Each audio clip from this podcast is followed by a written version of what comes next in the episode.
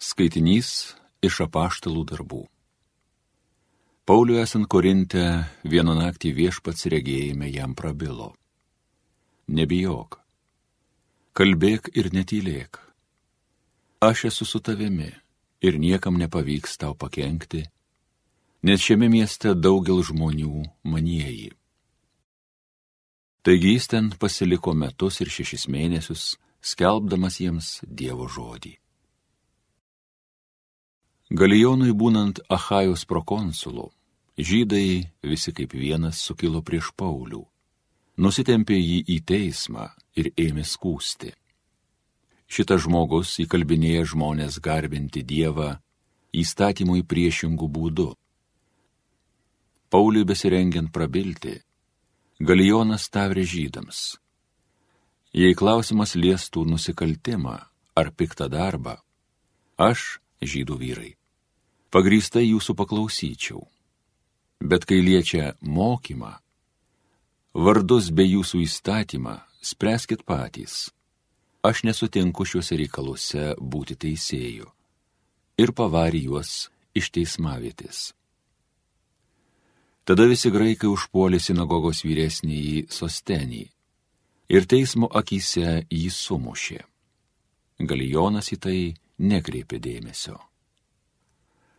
Paulius pabuvojo Korinte ilgesnį laiką, paskui atsisveikino su broliais ir kartu su Priskile bei Akvilu iškeliavo į Siriją.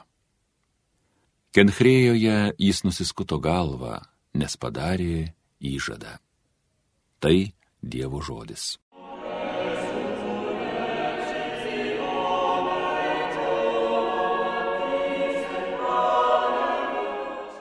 Dievas visos žemės valdovas. Plaukite delnais visos tautos, džiaugsmo šauksmais šlovinkit Dievą. Vaišurpulinga Dievo didybė, tai visos žemės aukščiausias valdovas Dievas visos žemės valdovas.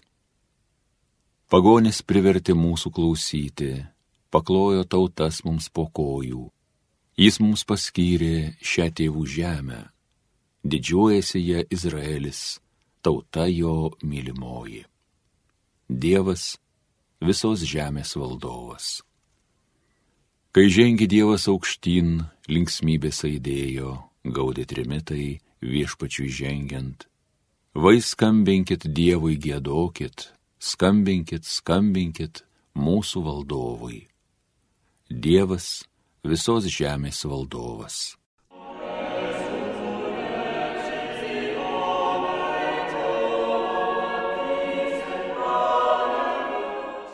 Mesijas turėjo kentėti bei prisikelti iš numirusių ir taip įžengti į savo garbę.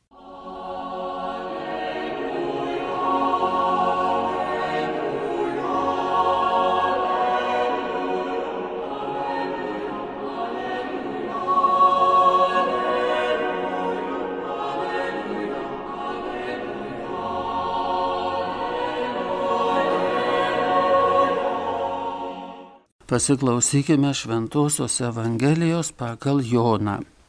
Jėzus kalbėjo savo mokiniams. Iš tiesų, iš tiesų sakau jums. Jūs verksite ir vaitosite, o pasaulis džiugaus. Jūs liūdėsite, bet jūsų liūdėsys pavirs džiaugsmu. Gimdydama moteris būna prislėgta, nes atėjo jos valanda Bet kūdikiui gimus ji kančia užmiršta iš džiaugsmo, kad gimė pasauliui žmogus. Taip ir jūs dabar nusiminę, bet aš jūs vėl pamatysiu. Tada jūsų širdis džiūgaus ir jūsų džiaugsmo niekas iš jūsų nebeatims. Ta diena jūs mane nieko neklausinėsite.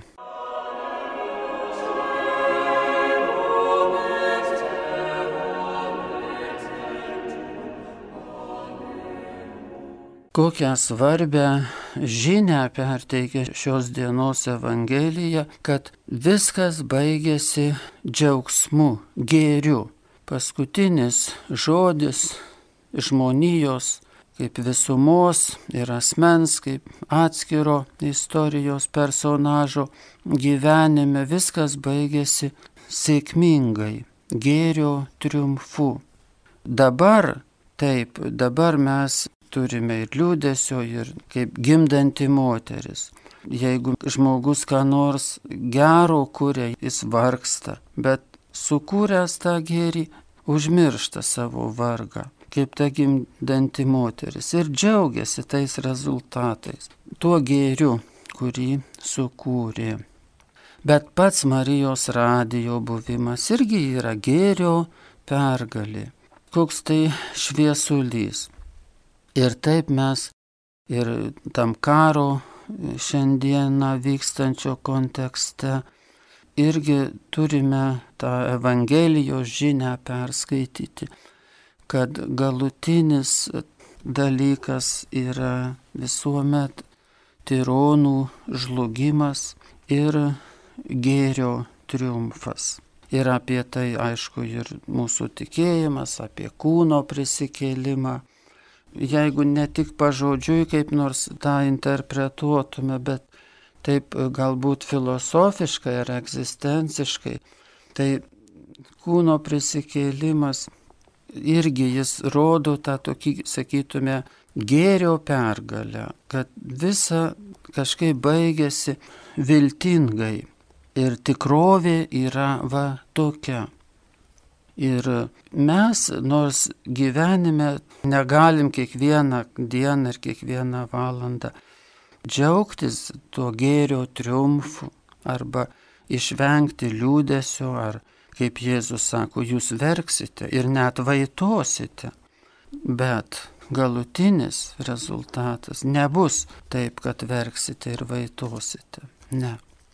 Bet dabar šita perspektyva turbūt labai svarbi žmogui. Žmogui ir visuomeniai žinoti, kad ne beprotybės, ne kvailybės, ne visokios ideologijos tars paskutinį žodį bet Dievo tiesa, tai kas tikra, teisinga, gera, kilnu. Bet o mums kiekvienam turbūt asmeniškai, kad nebūtų tai tik tokia, kad ir labai vertinga, bet teorinė tiesa, tai mes šiandieną kiekvieną momentą, kiekvieną dabarties akimirką mes galime jau apsispręsti tiesiog už tą gėrį, ir laimėti jį.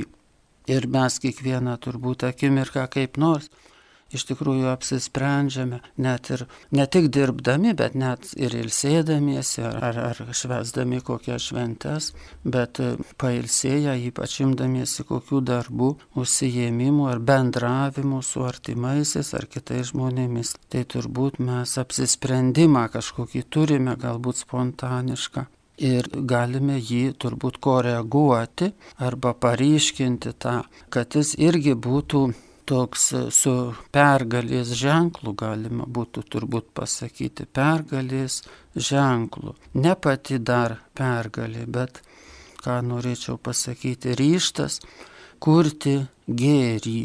Šiuo momentu, šią akimirką, kiekvieną kartą, kai žmogus ar jis, sakytume, ar jis šventesnis, ar jis tolimesnis šventumui, bet jeigu jis tą apsisprendimą daro savo širdį, kad aš noriu kažkaip gėriui gyventi šią akimirką, šią valandą, šią dieną, taip jis ir kuria, jis jau dabar, sakytume, tą rimtą ir realų pagrindą padeda tam, apie ką Jėzus taip gražiai sakytume, viltingai kalba apie ateitį, kad ten, ten viskas bus, ten bus jau džiaugsmo pilnatvė, galutinis rezultatas.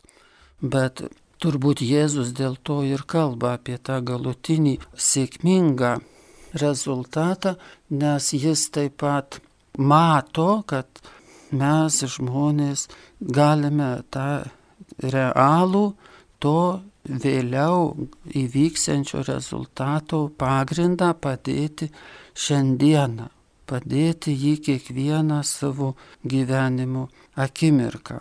Ir todėl tas galutinis džiaugsmas jis nėra toks, sakytume, kažkaip atitrūkęs nuo dabarties, bet mes jame dalyvaujame, mes jį kuriame, mes jį sąlygojame, mes dedame jam pagrindus, kad jis įvyktų. Ir kai tai darome, tada galim tikrai suprasti, kad šitie Jėzaus žodžiai, jie yra labai realūs apie tą galutinį gėrio triumfą ir galutinį mūsų džiaugsmą.